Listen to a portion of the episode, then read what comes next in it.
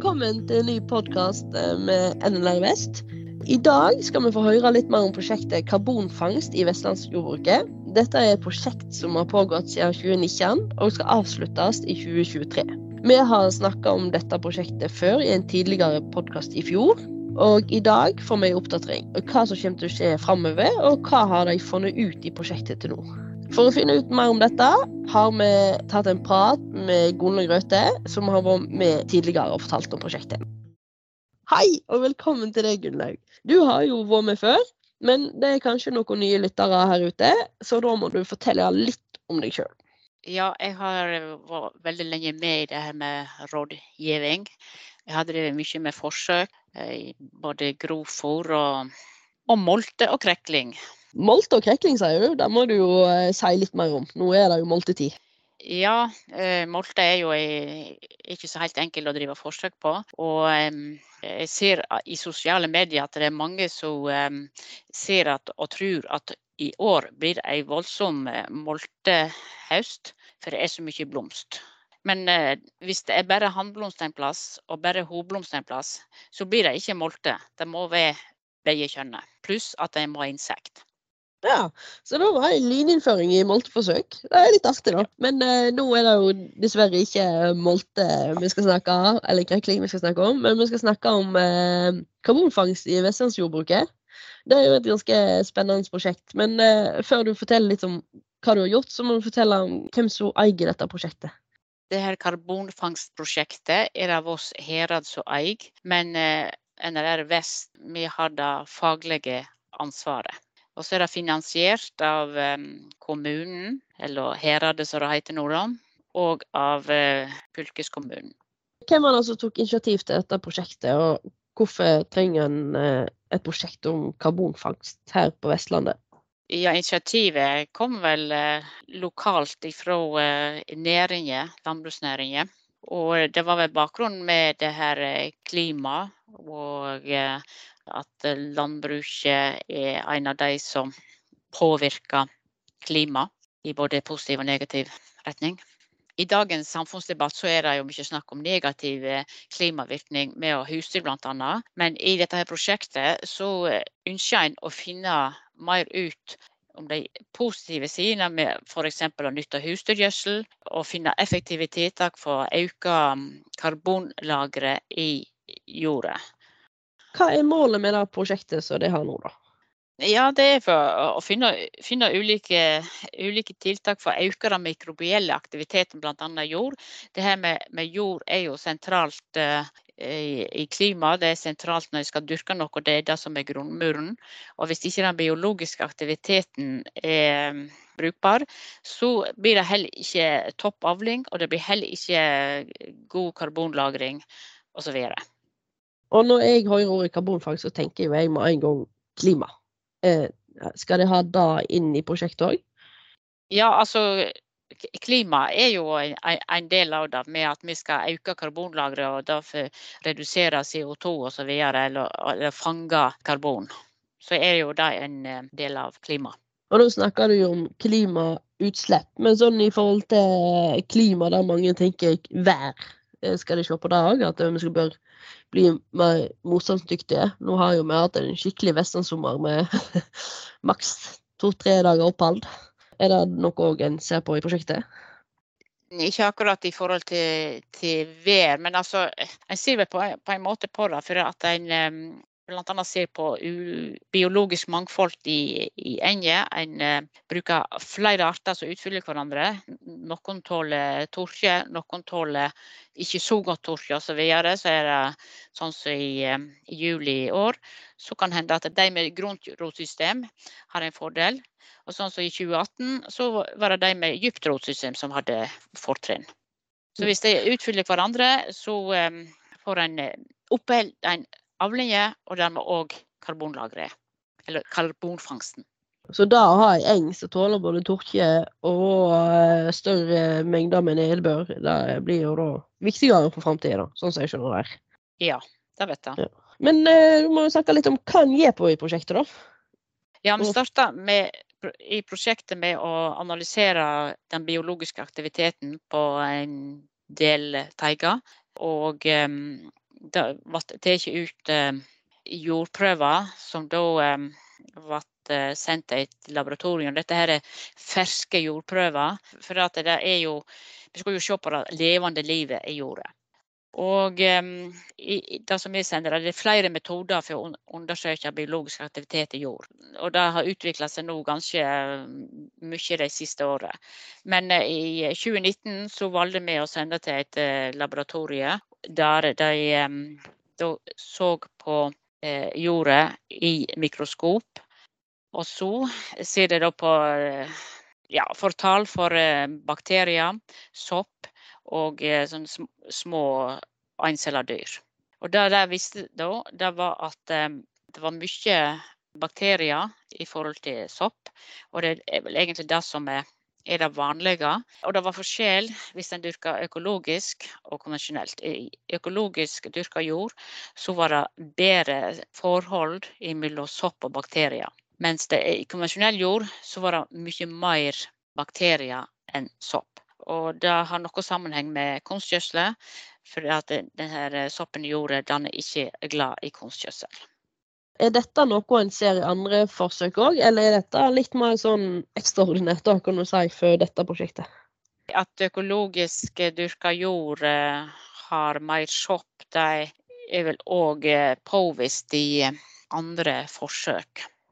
Og så er det jo sånn da at selv om en kanskje ikke mange av bønder rundt om ikke driver økologisk, så har det jo ganske langvarig eng da, i forhold til eh, bønder som driver med vekstskifte på gården. Ser du noe forskjell på det?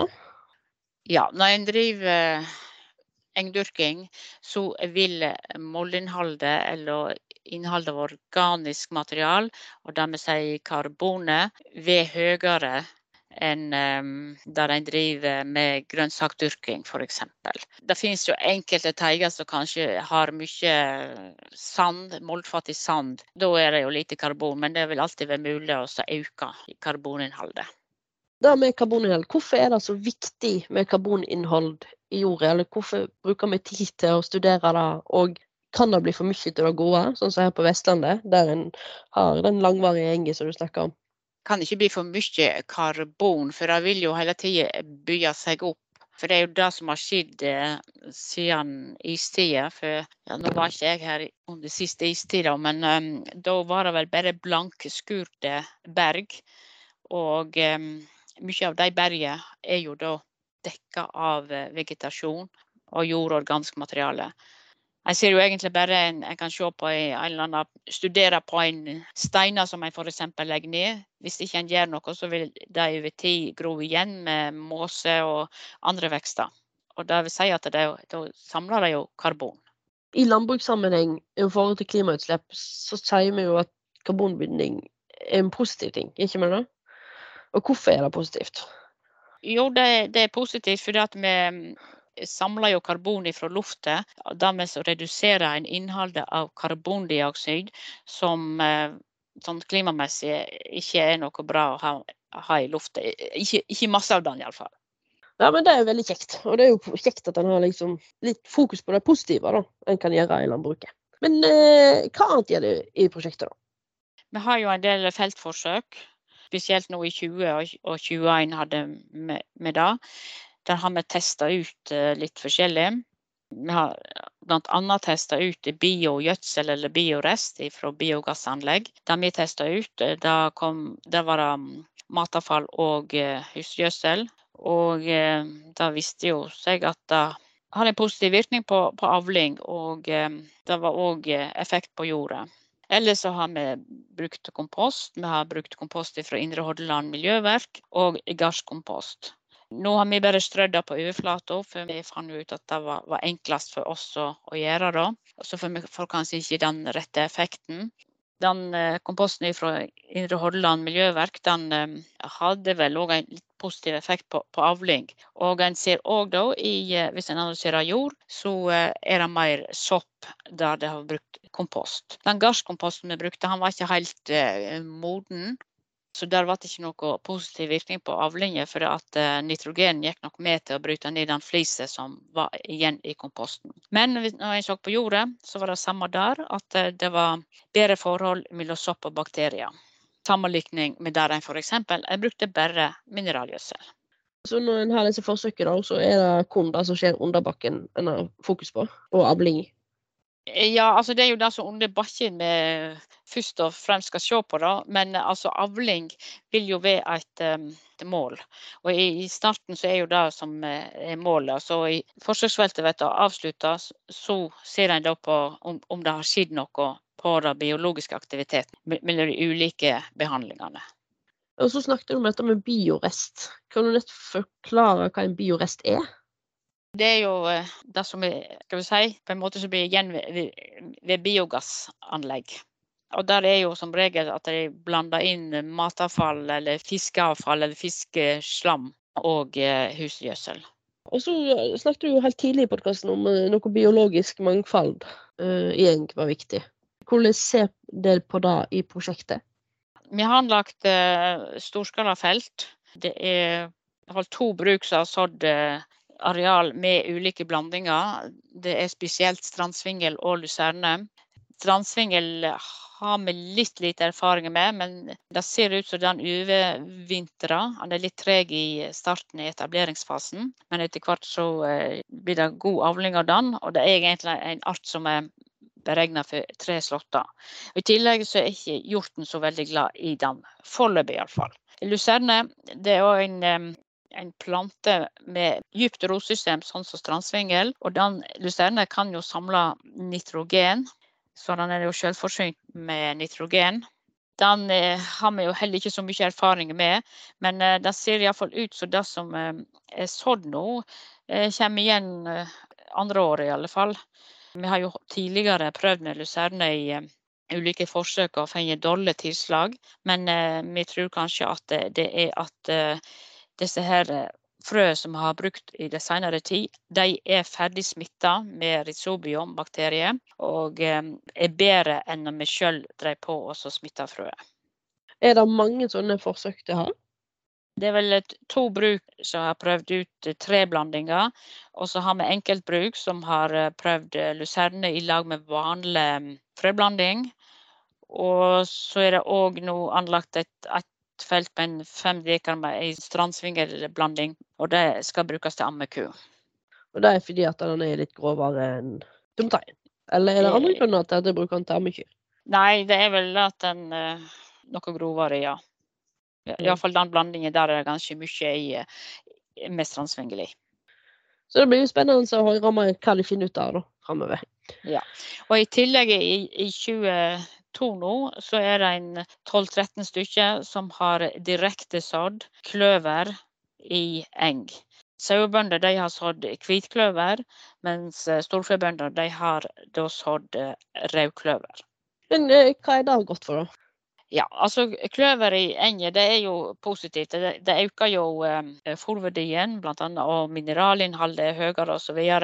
Men det er bare at den eh, står ikke lenge i enger. Han eh, går ut etter tre år i alle fall. Intensiv drift og gjødsling? Ja, og spesielt uh, sterk gjødsling.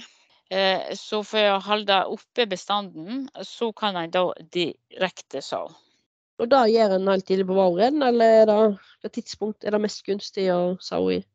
Det er viktig å så det tidlig på våren, men for det er viktig at det, det er fuktighet. Og, og det, er viktig at frøet kommer i kontakt med jord. Og har de vært ute og sett på tilslaget fra kløversauiet? Vet du noe mer om det? Det er nok varierende. For dette her er ikke så helt enkelt og direkte. så Det spørs hvor, eh, hvor grese plantebestandet er i utgangspunktet. Men det er viktig at det ikke er mye gamle planterester der. og At dette her frøet får plass. Eller ikke frøet får plass, men at planten skal spire fra frøet får plass. Men eh, hva, nå har du jo fortalt masse om hva det gjør på og har gjort, men hva kan en forvente av prosjektet framover? Ja, vi skal jo ha stand på Åpen gard på Voss uh, videregående. Det er vel i, oktober. Vi skal syne en del uh, ulike vekster som har da ulike egenskaper, både i forhold til, til rotlengde osv. Og vi vil òg ha noe fokus på kompost, både til mm, gardsbruk og hagebruk. Og så har òg snakket om vi skal ha noe fagmøte. Der mm, ja, det er fokus på dette her som vi har eh, drevet på med i prosjektet. Til slutt så skal vi ha en studietur til Jæren den 24.-25. august.